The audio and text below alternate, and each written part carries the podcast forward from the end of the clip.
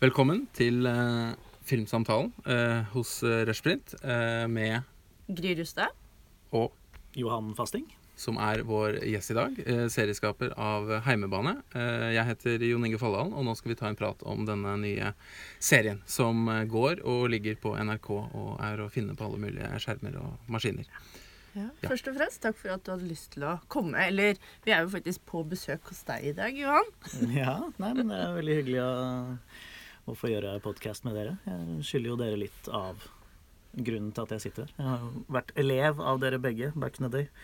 Back in the day. Back Når var dette? Det må ha vært på Institutt for medier og kommunikasjon på var. Universitetet i Oslo. Ja, jeg tok en del filmfag eh, på, på Blindern da jeg var ute av videregående, som var begynnelsen på min da etter hvert åtte år lange filmutdanning. Eh, Så det For du er var- også senere utdannet på Lillehammer. Og vært innom Westerdals i mellomtiden. Så, men eh, grunnlaget ble jo lagt da jeg tok eh, filmhistorie og alternativ film og den type kurs med veldig fantastiske seminarledere og kursledere. Takk. Ja, det var da veldig hyggelig. Ja. Eh, men nå i dag så er jo du da eh, en serieskaper som har en eh, rykende fersk eh, serie på NRK.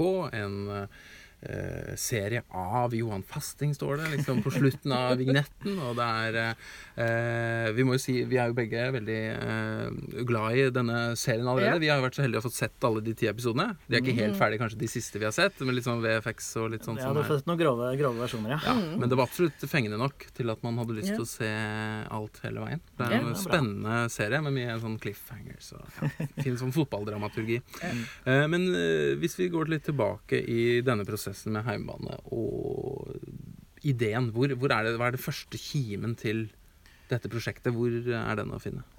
Uh, nei, det er jo en uh, historie som jeg har fortalt uh, litt nå, men den er jo fortsatt sann. Det er jo at Yngve Sæter i Motlys hadde fått det for seg at det kunne vært kult å lage en TV-serie i uh, fotballens verden. Uh, at uh, fotball, fotballdrama har jo møtt på noen utfordringer i sin karriere på, på skjermen. Men akkurat som TV-serie så har det ikke blitt testa ut så fryktelig mange ganger.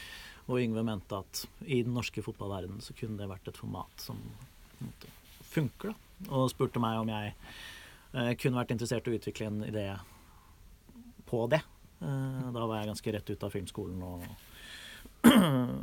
ja, hadde noen andre prosjekter hos Motlys, og da kom jeg ganske fort frem til at eh, nei, det hadde jeg ikke vært noe interessert i. Eh, fordi eh, ja, best case scenario er å lage en kopi av Friday Night Lights. var på en måte den følelsen jeg fikk. Yngve foreslo å på en måte eh, lage følge en fotballtrener i det daglige virket og, og sånn. Og jeg var veldig glad i Friday Night Lights, men hadde ikke så lyst til å på en måte bare prøve å hoppe etter dem, så bra som de fikk det til.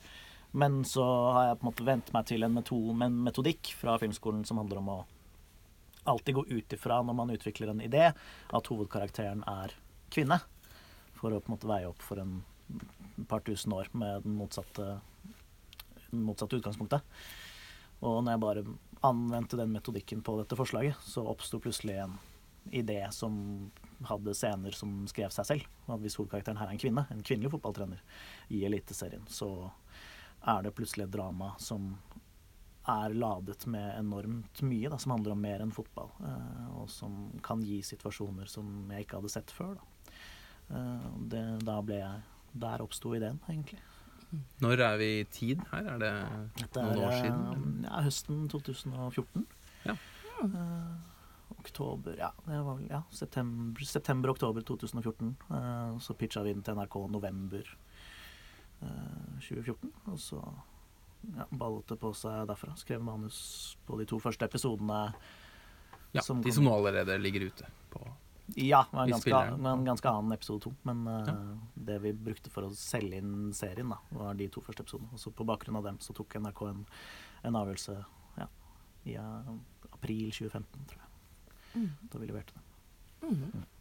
Hvordan arbeider du da som eh, serieskaper og showrunner, kanskje? Det ligger litt nærmere den amerikanske måten å gjøre det på. Kan du si noe om den eh, arbeidsprosessen med å skrive? Og Ja, det, altså, det er jo et forsøk på å på en måte, adoptere en amerikansk modell, da, som jo kan sies at de har lykkes ganske greit med i eh, der borte. Så det har alltid vært min tanke at amerikanerne får det til så bra, så kan vi ikke bare prøve å gjøre akkurat sånn som de gjør det. Eh, så det var på en måte det jeg hadde lyst til, og så viste det seg at NRK har jo akkurat den samme ambisjonen. Så det var ikke sånn at jeg kom inn og krevde å få den jobben og få det ansvaret. Det var på en måte NRK som allerede hadde lagt opp til at det er den modellen vi skal gjøre på det prosjektet her. Eh, som betyr da at ja, det er forfatterstyrt. da. At det er uh, en forfatter som følger den kreative prosessen gjennom alle de ti episodene. Når man har regissører som kommer inn og ut og gjør enkeltepisoder, så trenger man en på toppen som har overoppsynet. Uh, som jo er den, en modellen. Og den ja, fikk jeg så heldig og fikk lov å prøve meg på. Ja, Og etter det så begynte dere Hva, liksom, hva var neste steg da? Var det casting og ja, for ja, det var det. Først så ansatte vi da forfatterne mm. som skulle være med og lagde et skriverom og skrev mm. sesongen. Og så begynte vi parallelt å første vi gjorde, var å finne en regissør eh, som kunne komme på. Da hadde vi jo møtt med flere. Så kom Arild Andresen inn og viste at han var genuint opptatt av tematikken og catchet-prosjektet. Ja, han har vel lagd en film om noen samme tematikken? Keeperen, altså, keeper til Liverpool. Ja. Altså, han har vært innom mm. i måte, fotballreferansenes verden før. Mm. Og har jo på en måte har den, det vi vet er at Arild på en måte, ja, han catcha prosjektet både på et tematisk plan og stilistisk plan, men at han også har, har, den erfaringen som jeg og Jeg jobber jo veldig tett med produsenten Vilje, Vilje Katrine Hagen. Uh, men vi er jo begge rett ut av filmskolen og ganske mm. ferske, så vi var helt avhengig av å få en regissør inn som hadde erfaring både, mm. både filmisk og med mm. TV-serier. Arild har jo det. Så kom han på, og så jobbet vi ganske tett uh, derfra ut uh, på de to første episodene mens vi skrev ferdig resten av mm. sesongen. Uh, mm. Jeg lurte litt på hvor karakterene kommer fra, eller hvordan jobbet dere med å utvikle de? Altså, det er jo en av de tingene som slo meg med serien og er jo at uh, dette her er jo den type karakterer man ser i liksom, de beste amerikanske seriene. Det er ikke, det er ikke, de, er ikke de, skal ikke utføre plotthandlinger. Det, det, virker Altså, de klarer å fremstå som nyanserte, komplekse mennesker. Og det er akkurat noe og liksom med serien da jeg så den, så føltes det som at det ligger så mye bak. Har dere liksom lagd sånne lange biografier og sånn til hver enkelt karakter, eller er det uh, Ja, det varierer litt på, fra karakter til karakter. Uh, sånn for uh, Helena Mikkelsen, altså Andal Torp sin karakter, så tenkte jeg meg jo Da kom en del av backstoryen hennes ganske automatisk. For det er sånn OK, vi skal ha en kvinne inn i Eliteserien. som jeg forteller historien om hvordan får hun den jobben. og hun får den jobben ved at hun krever å få den. Uh, for hun vil aldri bli tilbudt den av den fotballverdenen. Uh, ok, da har vi en karakter som har såpass mye ambisjoner og guts at hun tør å kreve den jobben når muligheten åpner seg. Hva betyr det? Jo, det betyr også jobber man seg bakover derfra, da. Mm. At hun Kjernen av meg for den karakteren er at ok, dette er en, en kvinne som har ambisjoner og drømmer som hun ikke får lov til å ha.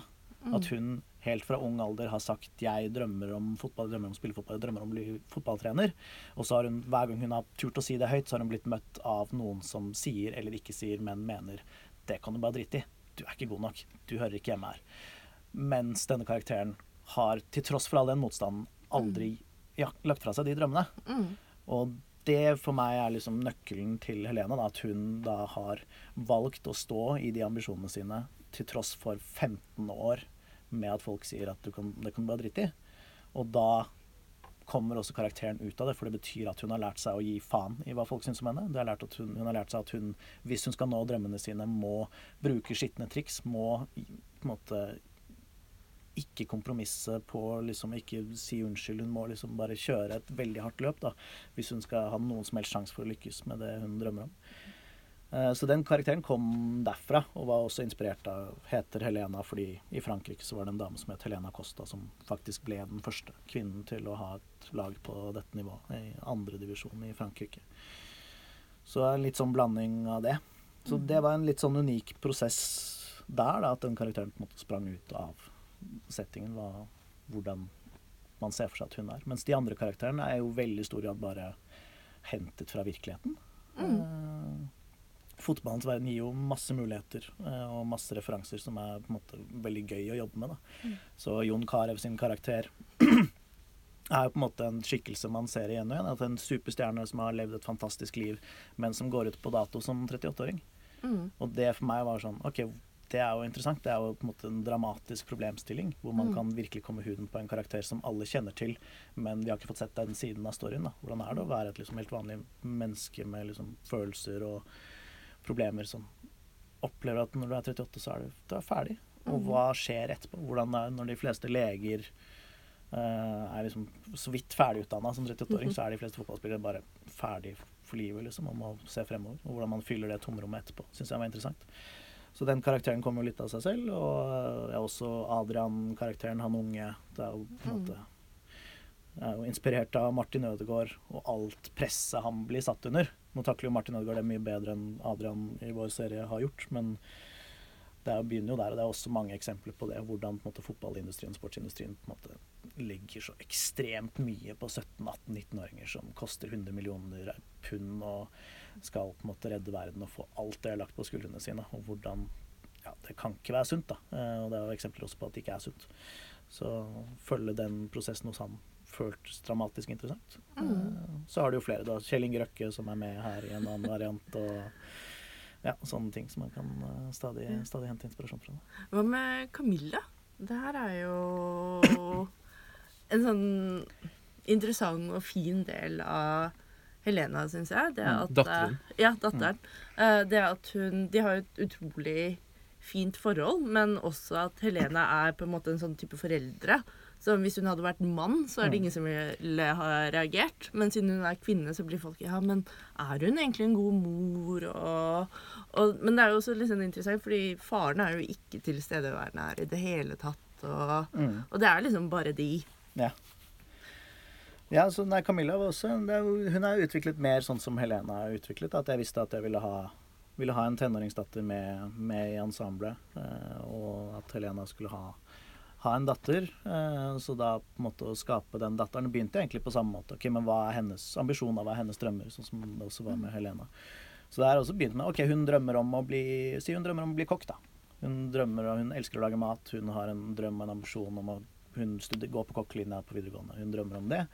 Og så igjen så kommer resten av karakteren ut av den settingen. For ok, hun, hun har en mor som er arbeidsnarkoman.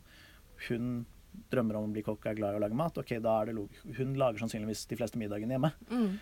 Ok, Men da oppstår en dynamikk mellom de to hvor Helena kommer hjem fra jobb og er vant til at maten står på bordet. Da dukker det sikkert også opp andre. Da betyr det at hun er mer ordentlig. Hun er vant til å ta ansvar på egen hånd. Da dukker det opp andre dynamikker som sikkert har med at hun tar mer den morsrollen i heimen fordi moren er så arbeidsnarkoman, og hun er, syns deler av den delen er gøy. Og så kom den karakteren bare ved å følge den logiske tankerekken fra OK, men hva er det, hva er det hun drømmer om? Eh, Mm. Så det er en slags uh, Hva ville ha skjedd i virkeligheten hvis denne personen var et sånt sted og under disse forutsetningene, og så skriver du på den måten? Uh, en slags realisme, kan man si, eller en virkelighets... Uh, tro Ja. måte å skape karakter på. Og samtidig så tenker jeg jo Sjangerinnslagene mm. er jo noen ganger tydeligere enn andre. Eller du har liksom noen sånne Nesten sånne stock characters-trekk med liksom, liksom quirky neighbor-aktig Som er både litt sånn sitcom eller sånn eh, ja, andre typer sjangere. Men jeg syns den klarer å turnere disse ulike tonene Mm. uh, godt. da jeg, jeg, jeg har ikke helt klart å skjønne hvorfor det funker alltid. Men har du noen idé om hva eh, For det er noe annet Det er noe annet enn at eh, det er naturlig hva skjer med en 17 år gammel jente Mm. som bor i Ulsteinvik og er glad i å kokke. Men Ja.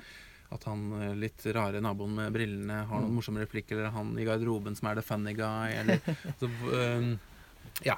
Ja, nei, men Det er jo en annen måte av hvordan jeg liker å jobbe, da, som er litt sånn unikt for TV-serieverden. At jeg, jeg liker å jobbe med erketyper. At jeg begynner med det. Jeg begynner liksom med klisjeen av hvem dette er. Sånn som med på en måte Karev sin karakter. Ok, Han er rik fotballspiller, masse tatoveringer, fin Porsche, fint hus, på en måte dollet opp kone.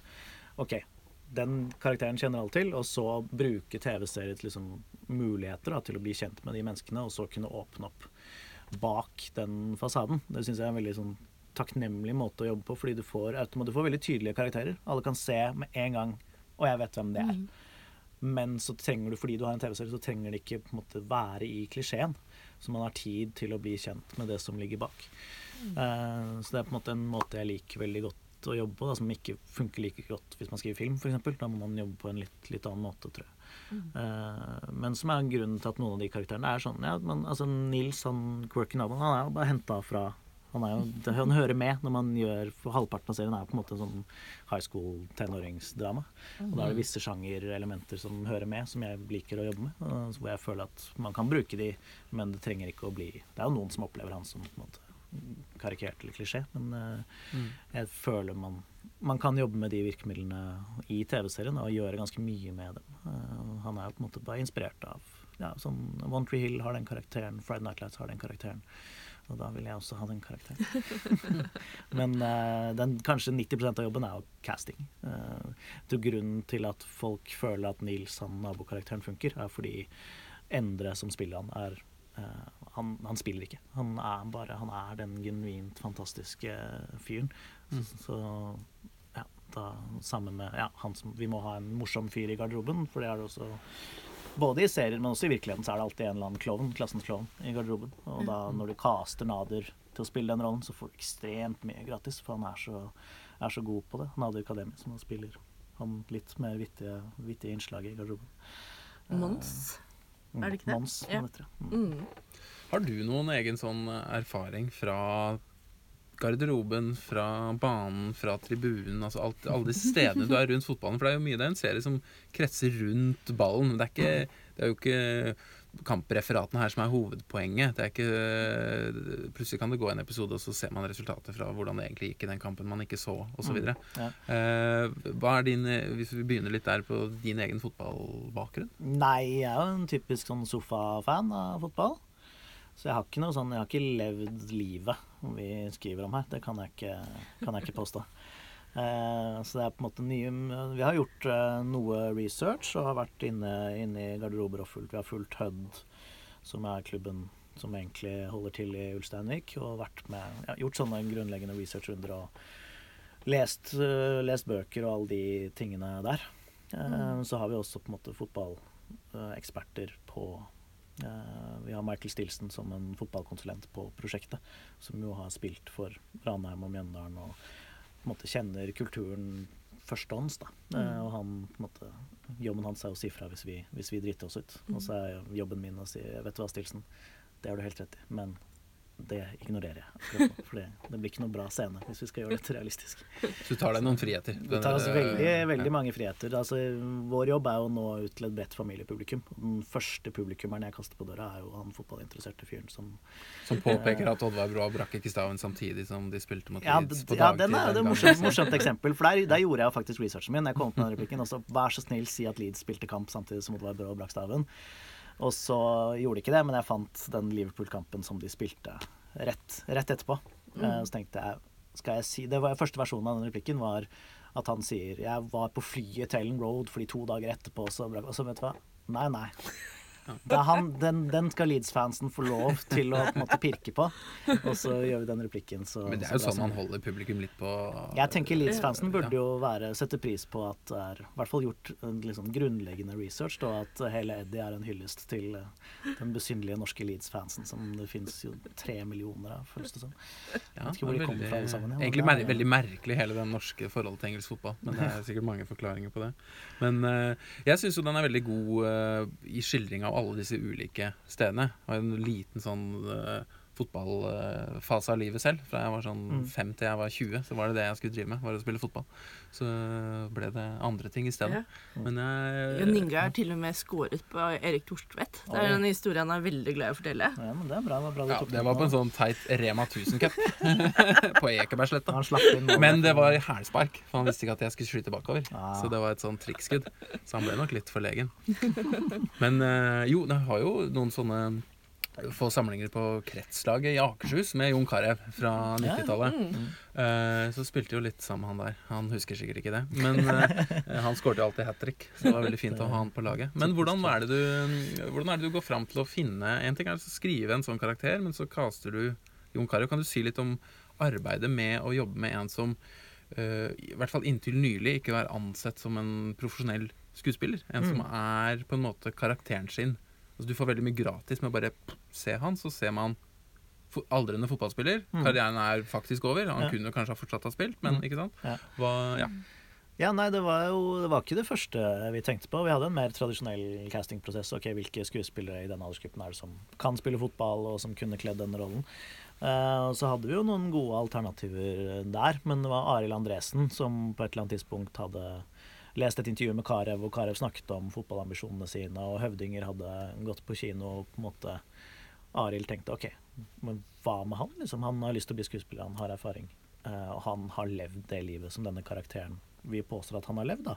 Så når han skal ut og spille fotball, så tror alle på han. Når han står der i garderoben, så tror alle på han. Eh, som på en måte hvis man hadde gått en annen vei med et eller annet kjent skuespillerfjes, så ville folk bare sånn mm, ja, ja, kanskje. Vi har hatt en mye lengre vei å gå, men Carew kjøper man på første bilde, at han har levd det livet. Eh, Så det var jo det som gjorde det interessant for oss. Og så på en måte måtte vi jo se ok, han skal holde på i ti episoder. Han skal gå gjennom ganske drøye, vanskelige, emosjonelle scener. Hvordan kommer det til å gå? Eh, For hvis, ikke, hvis jeg må skrive om de scenene, så gidder jeg jo ikke caste, caste Karev. Så da hadde vi en lengre castingrunde hvor han kom inn på prøvefilming og fikk noen av de vanskeligste scenene våre, hvor han måtte ha tilgang på følelsene. Han måtte ta en tekst, han måtte forstå hvordan han turnerer et vendepunkt. Og i løpet av de rundene der så så vi at oi, shit. Det er liksom ikke bare prat at han drømmer om å bli skuespiller. Han har genuint lyst til det. Han er ydmyk, han er sykt hardt arbeidende, og han får det til. Liksom. Eh, det er noe av det som er morsomst med å vise denne serien til folk. At veldig mange kommer til å se på noe sånn Å, skal vi se på dette trainwrecket hvor Carew skal liksom Og så Å ja, fuck. Han, dette, han fikk det jo til, jo. Det passer veldig inn i den der Begynner begynne med klisjé-tankegangen din. da At du Mm. begynner med fordommene hos folk, og så Ja, nå får dere bekreftet dere alle vet, men se her nå, blir du med i ti timer til, så er skal jeg vise at jeg er ja, kan manipulere deg til å Ja. føle deg litt mindre skarp og Mm. litt mer ydmyk. Men ja, resten av disse skuespillerne eh, som spiller de andre spillerne, de har også spilt fotball og sånn selv, da. For jeg tenkte at de ser veldig realistiske ut i fotballsekvensene man ser. Det er jo ikke så mange av dem, men de ser Gjør Ja. de ikke det? Altså, jeg har ikke Det er vel forskjell i Ja. nivå på dem, kanskje? Det Han kan man Rolf jo kanskje Christian virker som han har litt tekken. Ja, altså, Eh. ja, Rolf Christian lever jo og ånder jo fotball. Så Ja. han eh, Ja, han, han visste vi at han spiller jo fotball religiøst hver eneste uke. Mm. Så det visste vi at han hadde nok til at vi, vi trenger det. Du, altså, det er jo ikke, han, det er jo ikke eliteserienivå. Hvis han hører dette, så blir han sur på meg. Men eh, altså, det er mer enn godt nok til at liksom, vi kan kan bruke det da, og tro på det. Og det samme med Aksel, som spiller Adrian. Det var en sånn utfordring for han. Skal liksom vi påstå at det har vært en sånn Martin Ødegaard-type som har vært i Ajax og, og sånn. Men der var Aksel Og vi visste vi trengte en skuespiller, fordi han Mm. var også ekstremt utfordrende emosjonelle scener. Så der var det på en måte en balansegang hele tiden å finne noen som kan spille de scenene, men som også kan håndtere en ball på en måte som man tror på at Men hva eh, slags talentspeiding har man da når man caster? Altså Du skal se om noen har god nok fotballferdighet. Hva, Mm. hvordan ser den situasjonen ut når du skal finne ut av det? Er du, står, er du ute på en, ikke- er du på en fotballbane, eller? Det skal ikke fryktelig mye til. Altså. Du ser dem ganske med en gang de får en ball i beina. Så ser du på Ja. den touchen OK, har du tatt en ball for eller ikke? Ja. Eh, og det er på en måte det er bare det å ha det grunnleggende, ha spilt fotball fra barn, Mm. så får du en sånn touch som er sånn OK, den her, dette kan vi jobbe med. Her kan vi liksom Men Aksel, Så, ja. Aksel hadde jo spilt fotball eh, på, på Lyn frem til han var 19, så Aksel er jo også veldig god i fotball. Eh, så der og ja, Nader kan også spille fotball. Han er vel den som holder mest sånn løkkenivå av disse. Men eh, mer enn nok til at vi, vi har det vi Ja. trenger. Det er innafor, tenker jeg. Altså, som som gammel fotballspiller så ser man også ikke sant, Én touch holder for å se om OK. Mm. Ja. Ja, det, ja. Så vi har hatt, I sesong to nå så gjør vi litt mer dyptpløyende runder på, på fotballteknikk. Da er det Michael Stilson som har en egen auditionrunde bare på fotballferdigheter. Som vi får tapene på, og sånn, og så tar vi en vurdering der. Men det er jo hele tiden en vurdering opp mot skuespillertalent, så vi prioriterer jo alltid skuespillertalent. Eh, og jeg tror på en måte Hvis noen ser serien og reagerer på fotballspillingen, så skal de nok være glad for det. At de vil, vil nok heller ha det Mm. enn en skuespiller som er god til å spille fotball, men som faller gjennom i alle de dramatiske For det er jo egentlig en ganske sånn grusom sjanger, det der med fotball og film og fotball og serier. Eh, hvor det er en endeløs rekke av elendige filmer som egentlig aldri nailer spesielt spillet, da, de som legger vekt på spillet. Eh, som Det er vel egentlig aldri noen som har fått det skikkelig til, tenker jeg. Ja, vi har jo lagd en hel podkast om fotballfilm, faktisk. Ja. Da fant vi vel ut at noen av disse dokumentarene selvfølgelig er gode. ikke sant? Ja, Hvor man faktisk bare filmer Zidane en hel kamp, eller er George. Best, som også ble filmet på 60-tallet på den måten. Eh, og noen av de som kanskje har en helt annerledes handling som er spennende, Fimpen, eksempel, Ja. som er veldig morsom. Har du sett den? Fra Bo Widerberg fra 70-tallet. Nei. Den må du se før du lager sesong to. Det er en liten gutt på er han seks-sju år, Mm. og så er han så god at han får spille på landslaget. Å ja. Og det har de spilt inn med det ekte svenske landslaget. Mm. Det er i 1974. For da fikk de tilgang til alt. Ikke sant? De var med på landskamper. Han tok avspark i Moskva i eh, bortekamp mot Russland i eh, VM-kvalik. eller noe sånt. Eh, og den er kjempeartig, for der er det masse sånne morsomme scener rundt. Eh, eh, og det er der denne serien her eh, ligger, tenker jeg. Ikke, sant? Ikke på banen, men alt som skjer rundt, og Mm. Mm. gjør at det funker. Fordi det, det dramaet Selvfølgelig det dramaet på fotballbanen bruker du jo noen ganger. Hva Mm. skjer to minutter på overtid? Ja. Mm. Men uh, det er så mange, mange ting utenom som uh, eh, blir spennende gjennom disse karakterene du eh, klarer å skape. Nå skal ikke vi drive og spoile hva som skjer gjennom hele sesongen. Folk må jo kunne se det selv. Men det er jo ganske mange sånne dramatiske vendinger og hva kommer til å skje. eh, type spørsmål man har som skjer. da Hvordan kommer dette til å gå? Liksom Mm. Klassiske film- og seriespørsmål man har som ser. Ja, ja. Eh. Nei, vi, vi, vi jobber jo For meg så er jo dette Det er jo sportsdrama. Jeg er veldig opptatt av sjanger eh, som forfatter. Eh, så jeg er alltid veldig bevisst på hvilken sjanger jeg jobber i. Og dette her er, det er sportsdrama. Mm. Eh, så da OK, du skal ha Du må ha den store, viktige kampen på et eller annet tidspunkt hvor det ser ut som de holder på å tape, men så holder noen en inspirerende tale, og så vinner de likevel. Det er ikke, mange vil si at det er en klisjé, men for meg er det, det er sjangeren. Det er Mm. like viktig som at noen dør i starten av en krim. på en måte. Mm. Eh, du kan ikke komme utenom det. Det er jo derfor vi, det er det vi vil ha.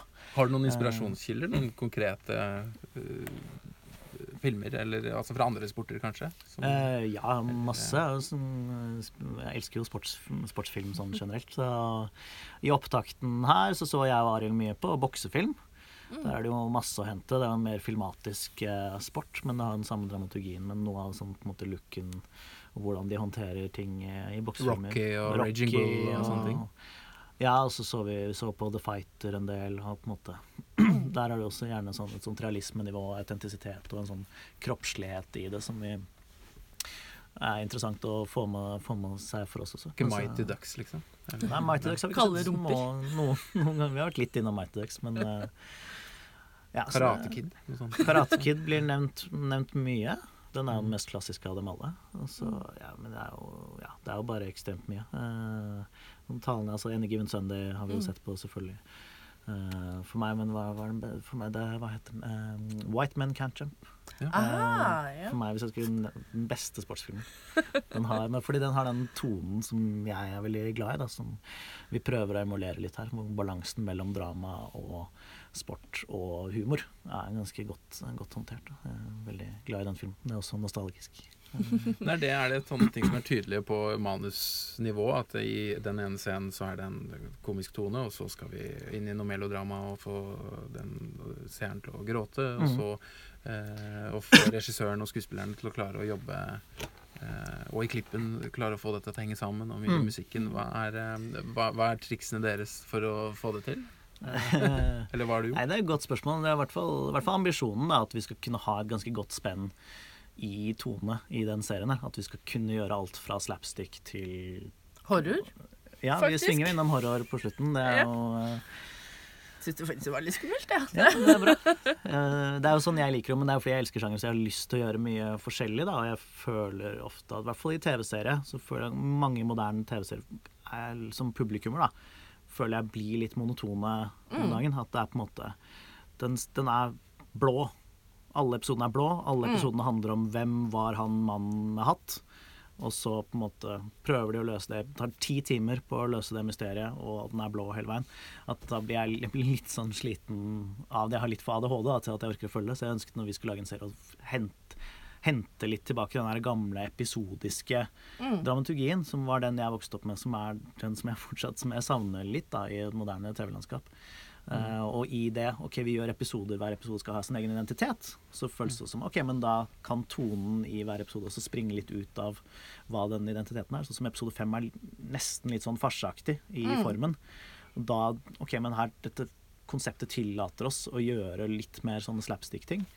Og, men også ha de gråtescenene på slutten. Eh, og prøve på det. da, og Nøkkelen til å prøve på det er alltid å sørge for at hva som står på spill for karakterene, emosjonelt sett alltid er klokkeklart for publikum. For jeg føler at Hvis det er det, hvis du vet veldig godt hva som står på spill for den karakteren, så kan du egentlig strekke strikken ganske langt for hvilken tone du følger opp det med. Mm. Uh, som ja. Jeg også satte veldig pris på det og la merke til den der episodiske oppbyggingen, og at Mm. hver episode har sitt tema. Og det her eh, Det minnet meg om um, en av mine favorittserier, som jeg vet er en av dine favorittserier også, nemlig Buffy. Mm. Altså, Joss Whedon var jo en av, er liksom en av mesterne på å lage den der episodiske eh, føljetongen, da, kan man kanskje kalle det på norsk. Ja. Hvor man har de der overordnede karakterbuene, men så har hver episode på en måte sitt tema, sin identitet. Mm. Ja, nei, Buffy er jo sannsynligvis den aller største inspirasjonskilden på den serien her. Selv om det er lett å trekke paralleller til Friday Night Lights og One Tree Hill og sånne ting, som jeg også låner ganske mye fra. Men Buffy, er, Buffy har lært meg alt jeg vet om TV-drama. Eh, og alt jeg ønsker at TV-drama skal være, er i Buffy. Eh, så ja, jeg gjør jo bare det. det den, de har også den balansen mellom humor og drama. Kan gå fra en fjollete slapstick-humorscene til en scene som får deg til å grine sånn. Uh, og det, når sånne ting funker, så er det ingenting som er bedre for meg som publikum. Også det jeg håper å få til her. Da. Jeg tenker det er en, en veldig morsom scene som slo meg at jeg ikke har sett noe lignende før. Da eh, en av fotballspillerne har en gravid kone, og så løper han rundt i knottesko inne på sykehuset og klarer ikke å finne eh, fødestua. Og så løper han ut av bildet, og så følger vi plutselig med kamera en annen karakter. Mm. Så husker jeg jeg satt og så den episoden sammen med min eh, kone hjemme og spurte skal, det, skal vi følge en ny karakter nå. Nå tar serien en helt ny retning, og så henger vi med bakpå en lege i kanskje tre-fire sekunder sikkert bare. Men det er et såpass Det virker som et grep da, om at det, nå følger vi en annen karakter. Og så plutselig har han tydeligvis tatt en runde, da, fotballspilleren, og kommer løpende inn. Og da er det vi plutselig slapstick igjen, og typisk Ja. romantisk komedielandskap. Men et lite øyeblikk så var man i en sånn derre slacker-aktig kunstfilm hvor vi nå, nå har vi liksom s- flettverk sneisa innom noen andre, og så Der skjer det mye, tenker jeg, i én scene. Hvordan, eh, vet, husker, hvordan Er dette skrevet sånn, eller er det noe man løste Nei, nei, det, det, bildet, det bildet du beskriver der, er jo, det er jo Stian Kristiansen som skal ha honnør for. Han, uh, fant, han fikk jo en location hvor det bare var altså, I manuset så løper denne karakteren gjennom masse, 300 forskjellige korridorer, for han prøver å finne frem til fødestua på sykehuset, Ja. som er basert på min egen erfaring. Når min kone fødte, så var det umulig å orientere seg på hva er forskjellen på barsel og liksom alle disse tingene som står på de skiltene. Han hadde skrevet det inn i manus, men på location så fikk jo Stian bare Det var bare én korridor, så det var begrenset hvor mye han kunne påstå at han går seg vill her inne. Så da på en måte kom han opp med dette grepet at OK, men da hvis vi, gjør, hvis vi skyter det på den måten, og han forsvinner ut, og så kommer inn igjen på slutten av tagningen, så skjønner man Får man fortalt det samme, da. Ja. Uh, og ja, Stian Kristiansen har jo også den Han er jo, liker jo at ting er løye, som han sier. Uh, han har jo den i filmene sine den balansen mellom drama og humor som vi, vi prøver å få til her. Så det er jo og det er veldig viktig for oss å gi de regissørene vi har, spillerom til å gjøre det de er gode på. Og, Så manus er et sånt levende sted hvor man kan uh, jobbe videre med det. Det er ikke sånn at du, du da krever som serieskaper at nei, her skal han løpe fram og tilbake i korridorer og åpne dør etter dør og ikke sant. nei, nei, de må jo og, få det de trenger for å få det til å gå opp. Så det er varierende hvor streng jeg er på at de skal følge, følge manus. Eh, I hvert fall Hvis det er sånne humorsekvenser som den, da, så stoler jeg 3000% på at Stian klarer å få det morsomt. Så da trenger ikke jeg å på en måte overstyre han på de tingene. Andre ting hvor det er liksom dramascener som er helt avgjørende for handlingen, som er på en måte hvor jeg har gått gjennom dialogen veldig nøye, så er jeg tydelig i font på at her må dere få det til sånn og sånn.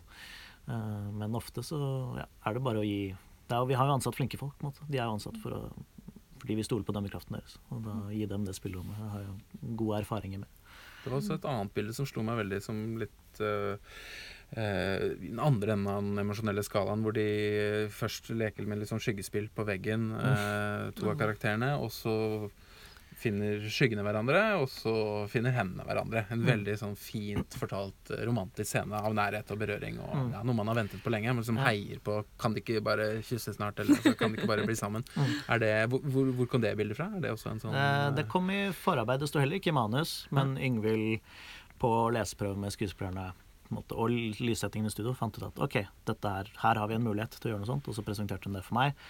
Og så sa jeg å, det høres litt cheesy ut, men, eh, men la oss prøve. Og så ser vi på de klippene, og så gjorde hun det, og så Ja, for det er kanskje noe som ikke egner seg så godt i manus. Fordi det nettopp Nei, som jeg du sier, tror, kan jeg, virke tror jeg, hvis jeg skulle skrevet det i Ja. manus, hadde jeg dødd. Jeg hadde vært flau. Over Ja, litt sånn dette er for artig og for sånn Fingrene flettes sammen i det altså bare sånn, Nei, nei, nei. nei, nei. Ja. Kunne jeg aldri liksom, kommet med for mye. Men det var Yngvild som uh, følte at det kunne være noe, så hadde hun jo rett i det.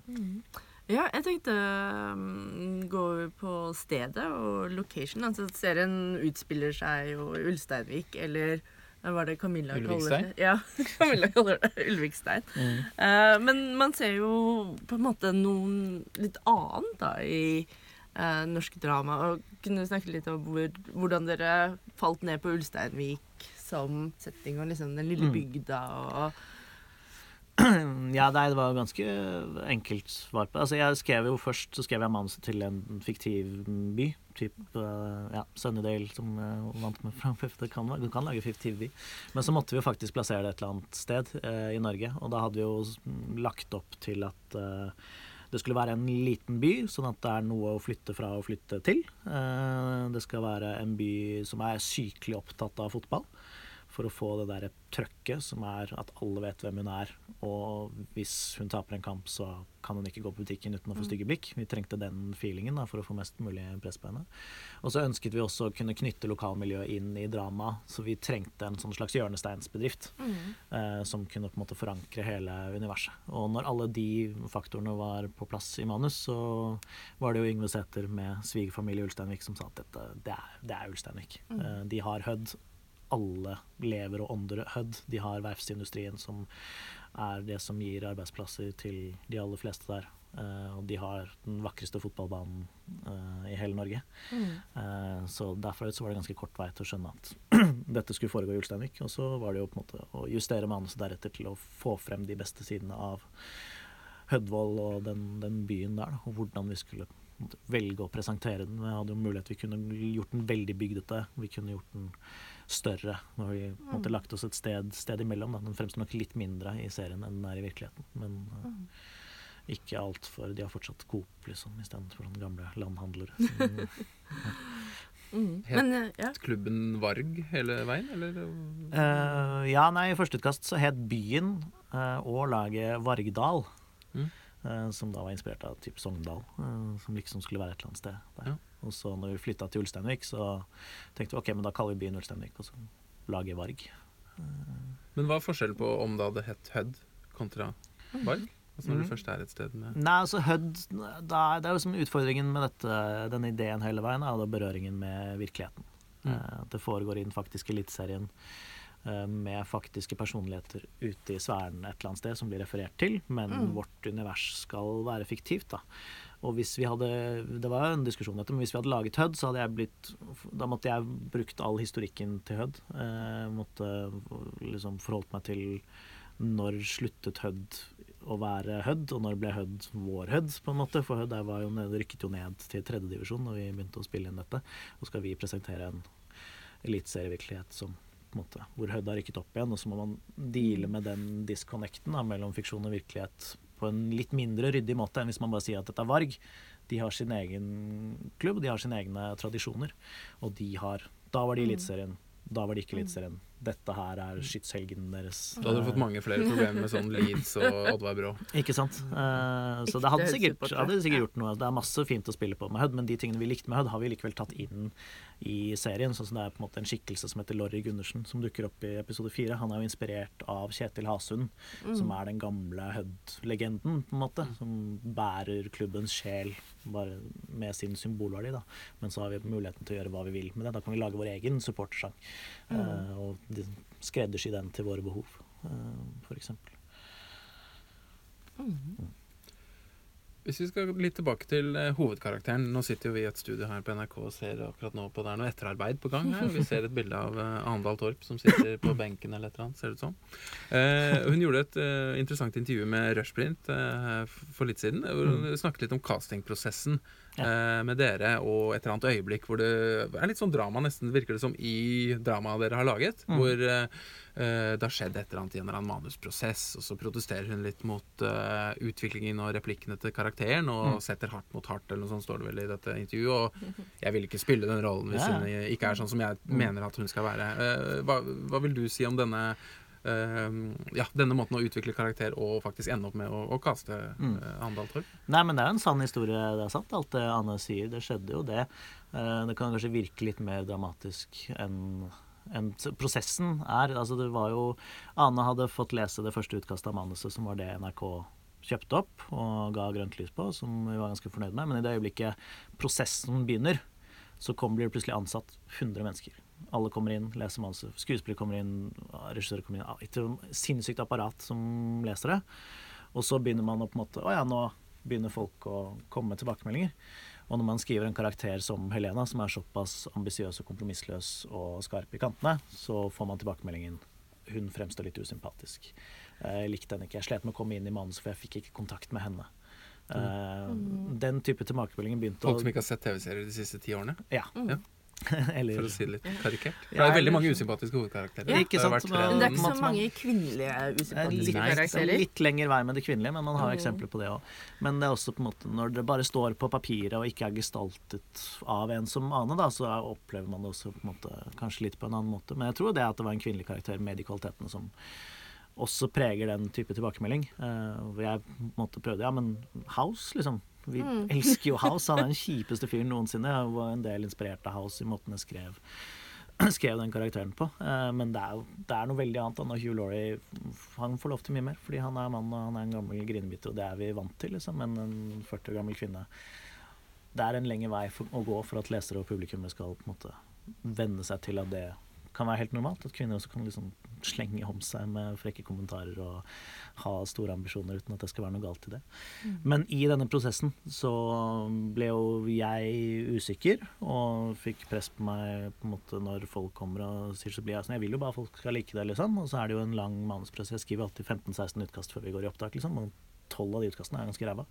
Eh, og dette var da midt i, midt i castingprosessen, hvor Ane hadde lest det første kastet, elsket det, hadde veldig styr på rollen. Og så på en måte prøvde jeg dette. OK, folk liker det ikke, og vi skal jo på en måte lage en serie som folk liker. Så skrev jeg en runde. OK, kan vi på en måte revurdere den karakteren at hun kanskje er litt mykere og mindre selvsikker i starten, og så blir reisen hennes at hun skal bli den på en måte tøffe, beinharde karakteren som nå allerede forelå der i episode én. Og så testet jeg det i et utkast, og så føltes ikke det riktig for meg. Det føltes som uff, nå bare liksom vanner vi ut konseptet og vanner ut den karakteren som hele tiden har stått veldig tydelig for meg. Og regi eh, Arild eh, var også enig, han syntes ikke dette føltes riktig, og på produsentsiden også.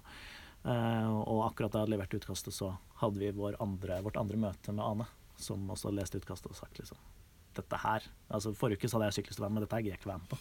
Hva er det dere har gjort? liksom? Og hun en måte var veldig redd for at dette skulle skje, for hun har sett det skje før med kvinnelige karakterer som er konseptuert veldig tøffe, men som på en måte etter tilbakemelding blir bare spikket på og spikket på til de på en måte bare er den koselige mammaen som folk kan like. liksom. Ja. Eh, og det var da hun sa det, hvor jeg på en måte Faen, du har helt rett. Jeg vet ikke hva vi driver med. Eh, men det du sa nå, det er akkurat det Helena Mikkelsen ville sagt. Eh, og måten hun tok dem etterpå sa faen, hva er det for noe drit, liksom. Hun bare nærmest gikk ut døra og slang døra etter seg. Det, var sånn, for- det er jo karakteren. Jeg hadde bare glemt at det var karakteren. Og det var også en grunn til at vi casta han, da, for jeg visste at ok, ikke bare beviser hun i dette møtet at hun er Helena Mikkelsen og bærer de verdiene som jeg føler at den karakteren skal ha. Men hvis vi caster henne, så kommer hun også til å forsvare den karakteren gjennom ti episoder. For dette er jo ikke første gang vi kommer til å møte. Ikke sant? Det kommer til å stå der på sett og være usikre. Og jeg visste da at Ane kom til å fighte for den karakteren hele veien til mål. Og når man lager TV-serier, så er man helt avhengig av det. Eh, Hun gjør jo en formidabel innsats. Jeg syns jo det er hennes uh, fremste rolle, rett og slett, hittil. Og hun har gjort mye bra. Det er ikke hvem som Mm. helst. Men hun har vel også, tenker jeg Nå kjenner jeg jo ikke henne, men mm. må jo ha fått en type både litt status og selvtillit som også gjør at man kan ta den type uh, konflikter i et møte. Da. Det koster jo litt, det vil jeg tro også, når man sitter der med manusforfatteren og vil ja, ønsker å ha en stor rolle i en ny er NRK-serie. Det, Det er ikke lett for eh, noen å si det i en castingprosess. I en castingprosess er det mye lettere å si Mm. å ja, ja, ja, men dette blir sikkert fint, og dette skal vi jobbe for å få til. Og, uh, så det er jo Ja. mm, eh, Og Jeg tenker Mye av det den karakteren er nødt til å stå i gjennom de episodene. Det ville jo vært eh, ganske utenkelig nå å sette for seg at hun var litt mykere og rundere i kanten i begynnelsen. Det ville vært mye Ja. mindre troverdig at hun klarer å stå ja, ja, gjennom nei, da måtte jeg, den, jeg måtte skrevet om hele ja, serien. hun opplever. Altså Det er Mm. ganske mye som er eh, en annen type karakter Mm. ville det ikke vært troverdig. At hun tåler all den hetsen, alle kommentarfelt. Altså Folk legger igjen meldinger, og altså, Ja. det er så voldsomme ting som skjer mot henne. Og at det er helt troverdig. Altså Mm. Hun er en som hun kan lukke laptopen og bare ja, lar seg kaffisere, virker det som. Da. Ja, og det er, men vil ikke, hun ville ikke problem, hovedproblem, altså, hun ville ikke fått den jobben. På en måte. Altså, Nei. jeg tenker Grunnen til at hun får den jobben, er at hun banker inn døra på det kontoret og sier 'jeg skal ha den jobben her'. Mm. Som var for meg nøkkelscenen i hele greia, og det som på en måte sleit mest med den omskrivningen. At ok, men nå må vi gå vekk fra at hun krever den jobben, til at hun får den jobben. Og det var på en måte en sånn tematisk eh, hopp som jeg bare ikke kunne tillate. For jeg bare føltes, for det første føltes helt feil. for jeg var ikke den karakteren vi hadde skrevet. Men det føltes også bare tematisk sånn tematisk feil og helt urealistisk. At fotballen, de, ingen i fotballens verden ville bare gitt noen den jobben. Det er, hun Mm. må ta den selv. Det er, den eneste, det er så inngrodd at det er eneste veien vi kommer dit. Og så jeg, jeg nektet å skrive om den scenen hvor hun går og tar den jobben. Og da var det også uaktuelt, uaktuelt for meg å skrive om den karakteren til å Mm. bli noe annet enn det hun er. da. Når tror du det vil skje i virkeligheten? Jeg vet ikke, Så Jeg- Fiksjonen ligger alltid litt foran. ikke sant? Man har en eh, afroamerikansk president på TV før Mm. man har det i virkeligheten. Og man har en kvinnelig fotballtrener i Eliteserien før det Ja, nei, jeg, jeg tror jo det skjer, men uh, når det skjer Jeg vet ikke, jeg tenker, Monica Knutsen tror jeg kunne gjort en kjempegod jobb i uh, veldig mange eliteserieklubber. Men noen må, Ja. Hva har tilbakemeldingen fra fotballen vært? Fotballen? Ja, altså sånn Fotball-Norge. Uh, sånn um, Hva syns de om dette? Har de nevnt dette med kvinnelig trener, eliteserie? Og man må jo si at eh, de blir jo ikke alltid fremstilt som sånn supersympatiske. Eh, Det er jo spesielt kanskje én episode uh, hvor de ender opp med en sånn sånn metoo-sak da, mm. i Fotballforbundet. Ja. Hvor de kanskje ikke blir fremstilt som sånn supersympatiske. Å ja, Fotballforbundet. Ja, nei, Fotballforbundet kom ikke sånn kjempegodt ut av den, uh, den episoden. Men der, der føler jeg Fotballforbundet har gravd litt sin egen grav. De har ikke gjort sin beste sånn imagebygging i media de siste tre-fire årene. Eh, men ja, det er jo skrudd til litt for humor og satiren sin yeah. del da, i, i den episoden. Eh, Så vi har ikke fått så mye reaksjoner fra, på akkurat det med kvinner. Altså, vi spør jo Hver gang vi er der, så spør vi jo liksom «Ah, Kunne dette skjedd? Hvordan vil du forholde deg til det? Og så svarer alle sånn Nei, men ja, hvis det hadde skjedd, så hadde jo det vært greit, liksom. Men det er jo et stykke unna, og jeg vet ikke, jeg kan ikke se for meg at det skjer sånn med en gang. For det fins jo ingen som har erfaring nok, Ikke som er leder inn på det ja, Mm. vanlige. At da, da kommer det jo ikke til å skje. Ja, fordi det må jo være sagt, eh, serien er jo veldig timely. Altså sånn Den går jo rett inn på hets på nett, metoo, trakassering um, Alle disse tingene. Um, eh, hvor viktig var liksom feminismen for deg da du utviklet det? Og hvor viktig er det liksom for serien? Uh, nei, for meg er det helt avgjørende. Det var grunnen til at jeg ville skrive den serien. At jeg ikke hadde lyst til å skrive serien om en mannlig trener i Eliteserien. Det var ganske mm. for meg. Men med en gang vi kom opp med dette konseptet, så var det å ja, shit, her kan jeg snakke om ting som jeg interesserer meg for. Som har med på en måte kjønnsroller og kjønnsproblematikk. Eh, både hos kvinner og hos menn. Da, for det er på en måte landskap som er veldig i forandring. Det var jo det også da vi kom opp med dette i 2014. Så er det på en måte det er ja, det begynner å bli mer bevissthet rundt disse tingene, det er, men det er fortsatt ekstremt mye som henger igjen. Masse å ta tak i. Og også det er spennende å gå inn i den mannskulturen og se hvordan menn sliter med å på en måte henge med i den forandringen. Det synes jeg er ganske måte, Noen menn prøver så godt de kan, men får det likevel ikke til. Og så er det andre menn som på en måte gjør det, og er Og så har du liksom de gamle mennene som på en måte nekter å forandre seg da, og innse at, eh, innse at det skjer ting. Og alt det var jo noe jeg hadde lyst til å ta tak i. Uh, og så er det jo, vi er jo pakket inn i et liksom, un, underholdningsbasert sportsdrama. Uh, hvor det er jo noen som mener at ja, kanskje ikke går dypt nok inn i det, men for meg så er hver eneste scene handler om det. Hver eneste, hvert eneste rom du putter den karakteren inn i, er ladet av at hun er kvinne. Selv hvis du ikke adresserer det direkte, så kan du se på det sånn OK, men dette hadde ikke skjedd hvis hun var en mann. Alt er fortsatt ladet av det. Eh, og så er det på en måte varierende fra episode til episode hvor mye vi går inn i de problemene. Og det hadde vært litt sånn, Jeg har ikke lyst til at hver eneste episode skal være hun blir kalt på en måte, for voldtektstrusler. Mm. Det er ikke sånn, det har på en måte prøver å gå og ja, adressere problemstillingene fra flere forskjellige vinkler da, gjennom den episodiske strukturen. Så er det jo noen episoder hvor hun bare er en fotballtrener. Sånn episode tre og episode sju er jo ikke på en måte Det er noe det er ladet av det, men det er ikke, det ikke alltid vi liksom går aktivt inn i problematikken heller. For jeg syns det er viktig at hun får lov å ha vanlige profesjonelle utfordringer også. At er, hun får lov å være ja, en kvinne som har utfordringer i arbeidslivet som hun også må deale med. Har det vært noen uh, fotballtrenere som har vært forbilde for uh, henne som karakter? Noen virkelige uh, som hun har modellert seg på? Det var skummelt å svare på, da, for da blir folk så sure. Nei, jeg er inspirert av, men begynte med Mourinho. Ja. Som jeg er fascinert av og var fan av. Jeg begynner å bli mindre fan av han i disse dager. Men ja, sånn fotballteknisk så var det det jeg tenkte å spille sånn upopulær, dritkjedelig defensiv fotball.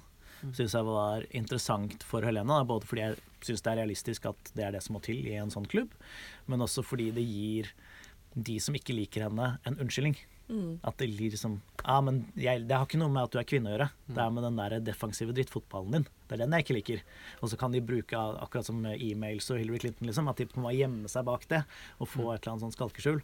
Og at hun på en måte representerer en filosofi som er upopulær. Det føltes jeg var riktig for hennes karakter. Da. At hun er vant til å gjøre, ta de upopulære valgene for å få det som hun vil. Jeg tenkte også, i hvert fall særlig i begynnelsen, på Drillo. Når jeg så henne gikk Hun hadde Ja, sånn, sånn eh, der, eh, kroppsspråk og sånn. kroppsspråket. Ja. Hun eh, kunne hatt på seg et par perler og gått rundt Mm. og vært den Ja, der det synes jeg er veldig gøy. Det kommer jo fra nerdete eh, Som regner seg fram til hvordan vi får 1-1. Mm, Og ja. det holder. For det viktigste i fotball er å ikke tape, men altså i hvert fall få et poeng. Ja, Da. At det er, eh, Ja, nei, men Drillo er også Så det er jo flere inspirasjoner. Drillo er jo inni det. Og vi hadde på et tidspunkt så skrev vi skriver om en eh, ganske sånn lang sånn tirade fra Helena om hvordan Drillo-fotball er på en måte misbrukt som et skjellsord. At folk, det norske folk har misbrukt og misforstått Drillo-fotballen. At Drillo-fotballen skal vi være stolt av. At den er, den er kompleks, og den er ja, Han hadde en lang, lang forsvarstale for Ja. Drillo. Og jeg blir provosert av at Drillo-fotball er liksom et skjellsord i norsk sammenheng når han står for de største, bra- største sesong Ja. to igjen. Det, noen må høre det i dag òg. Vi har jo ikke vært i VM siden eh, 98 og 94. De to Ja. gangene etter bransjelaget. Det var med. Egil Drillo Olsen, Mm. som Mm. spilte veldig bra fotball på Ja, sitt, sine premisser. Ja. Vi skulle ha, eh, eh, Før et, forrige VM så eh, gikk jeg på en smell og kjøpte noen sånne fotballkamper på eBay. sånn Italia-Norge Mm. den VM-kvaliken før eh, 94.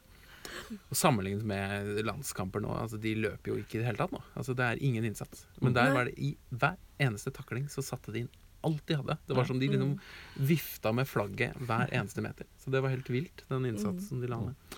Men eh, det var en liten eh, side note. på, eh, håper dette kan skape litt mer enda mer interesse omkring norsk fotball. Da. Det Nei. tenker jeg denne serien kan bidra til også, for å ja, både for bredde og eh, topp.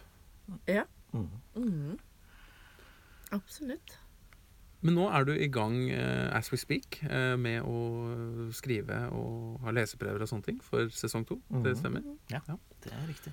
Eh, kan du tease noe spennende som eh, kanskje kommer til å skje, da? Eller skal du holde folk på Ja. Det er vanskelig når folk ikke har sett sesong Ja. én. Hvis folk hadde sett Ja. sesong én, så kunne jeg teasa litt, men akkurat nå Ja. så kan jeg ikke gjøre det uten Da får vi ta en ny prat når eh, Eh, Sesong to kommer. ja, Ja. det, Men ja, det blir en ny, ny sesong, da. Så må, Ja. må De vinner Champions League, ikke sant? Ja, det er rett på det. Må du kaste noen nye skuespillere og sånt, kanskje? Kommer det noen nye karakterer inn? Ja, noen, Ja. noen nye karakterer kommer jo inn. Det, Kom, Det kommer være. noen tilbake, da? Ja, det kan jeg ikke svare på. Hvem skulle komme tilbake, kan vi heller ikke svare på. Nei, ikke sant? Uh, Jævla Ålesund? Ja. Jævla Ålesund kommer tilbake. Det kan jeg love. Ja. Mm. Men uh, hva tenker du uh, liksom tematisk, altså hvis vi skal tilbake til den episodiske serien og Mm. liksom denne tematikken? Uh, det jeg tenkte på da jeg så den, er jo Det tises jo litt med denne hjørnesteinsbedriften og liksom ehm, altså Serien, mer enn en del andre norske serier, kommer jo faktisk mer inn på at det er liksom klassespørsmål og sånn. Er det noe som kan bli viktigere i serien etter hvert? Kan du si noe om det, eller blir det helt feil?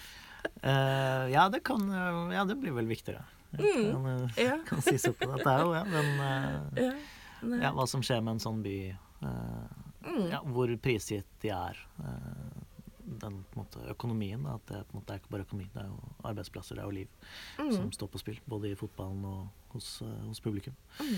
Så For det er jo Jeg har jo skrytt av Heimebane at det er liksom, det er en serie som tar for seg alle de tingene jeg savnet i norsk drama. At man har kvinnelig karakter, man har feministisk tema, man har skuespillere med minoritetsbakgrunn, og også at man liksom toucher på liksom, det økonomiske eh, klassespørsmålene. Mm. Eh, som alle disse tingene er jo totalt underrepresentert i norsk fiksjon. Så Ja. det er jo fint. Det er en veldig rørende sekvens eh, da de forsøker å lete etter hybel eller leilighet for denne spilleren som har opprinnelse fra Senegal, er det det? Mm. Karakteren.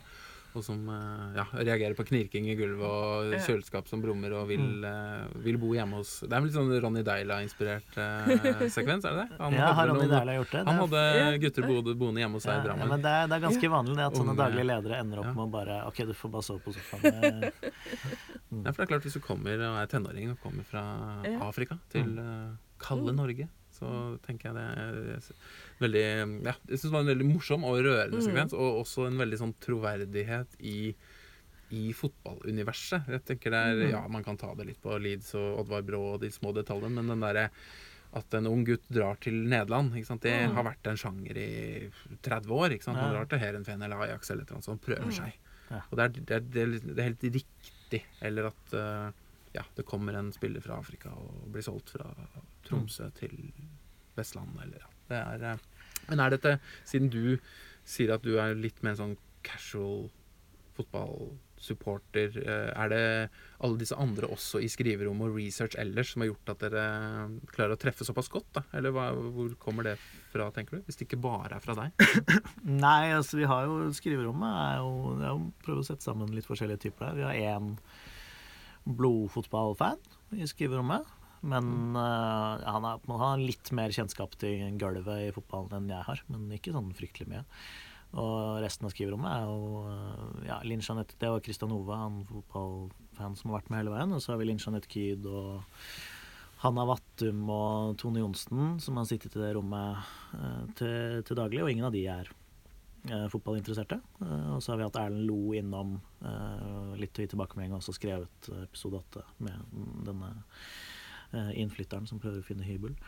Eh, og ja, ingen av de er egentlig i fotball, eh, så det er på en måte meg og Kristian som har mest peiling. Men, eh, så vi henter jo bare fra, men man får jo mye fra. Man kjenner jo til det, eh, men akkurat Akkurat den historien er jo av vi har hørt historier. på en måte. Og ja, Mm. Da vi møtte den daglige lederen til Hødd som sa at liksom, ja, jeg fant ikke noe sted, så da måtte de bo hos meg på sofaen i to uker. Og så ja, men det høres jo veldig søtt og fascinerende ut at du som på en måte, en Mm. 45 år gammel mann åpner hjemmet ditt for en ung gutt som føler seg lost og syns det er kaldt i Norge og ikke vil bo alene på en hybel, så får han bo hos deg istedenfor. Ok, hvordan er dynamikken hjemme hos dere? Mm. Det er jo på en måte en helt unik så Det er jo bare å plukke opp det. Altså, det er jo fordelen med fotballen at det finnes uendelig med sånne historier. Det er så mange menneskeskjebner og så mye, mye drama å trekke på. Som det er jo ja, Vi kommer jo ikke i mål med 10 eller 18 episoder eller hvor mye vi ender opp med. Så er det jo alltid Det er jo bare å ja, lese biografien til fotballspillerne. Sånn.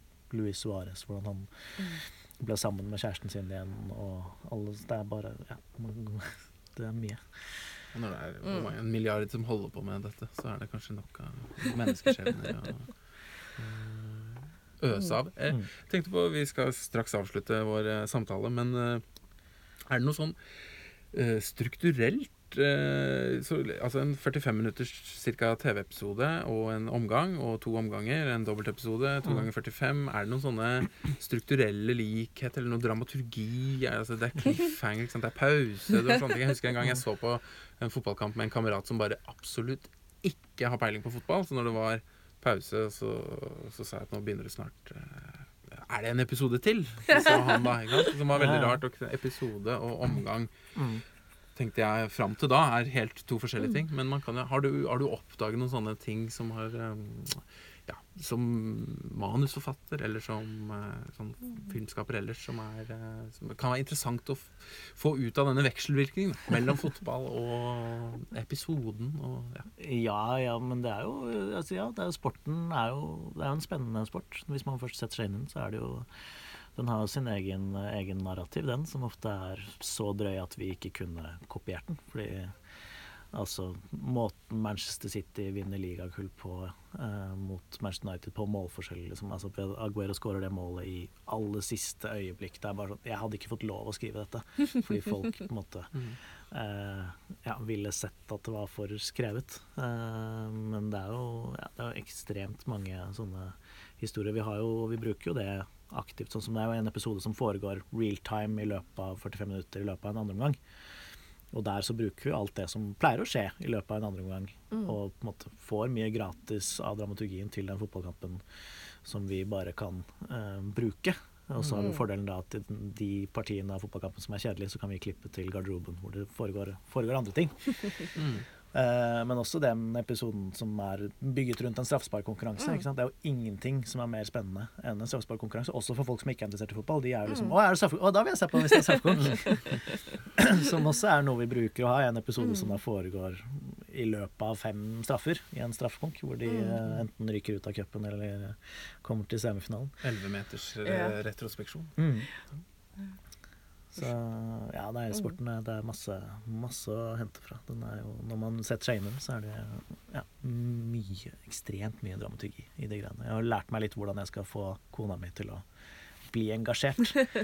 Eh, og trikset er ofte på en måte å bare knytte fjesene til skjebnene bak. Sånn liksom når Mourinho spiller mot Pep, enten det er i Premier League eller i La Liga, så er det OK, ikke sant.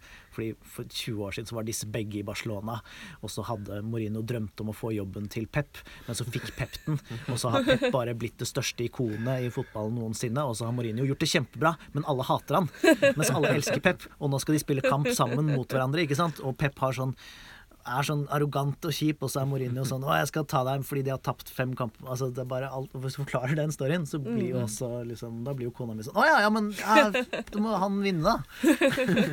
fordi det står noe liksom dypt personlig på spill for Mourinho hvis han taper mot Pep Guardiola i dette Manchester Derby. Eh, så Og det er jo en av de tingene som er kjempefint med heimebane, òg, er jo at du trenger jo egentlig ikke å være interessert i fotball, fordi du er så interessert i karakterene og engasjert i karakterene at du blir jo ender jo opp med å bli Varg-fan på slutten av serien. Eller fra første spark, til og med. Ja, vi så et Varg-flagg her i et eh, rom her på NRK. Det var eh, kult, det. Ja, Veldig fint og bra klubbnavn. Det må jo være en klubb i Norge som heter det Det er flere klubber som heter. Varg. Eh, Det er et veldig bra navn. Ja.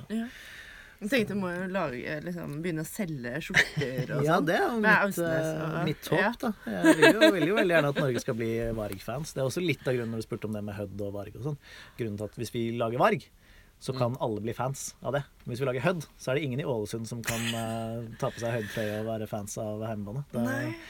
Hva har, hva har tilbakemeldingen i Ålesund vært? Har dere hørt noe fra folk i Ålesund?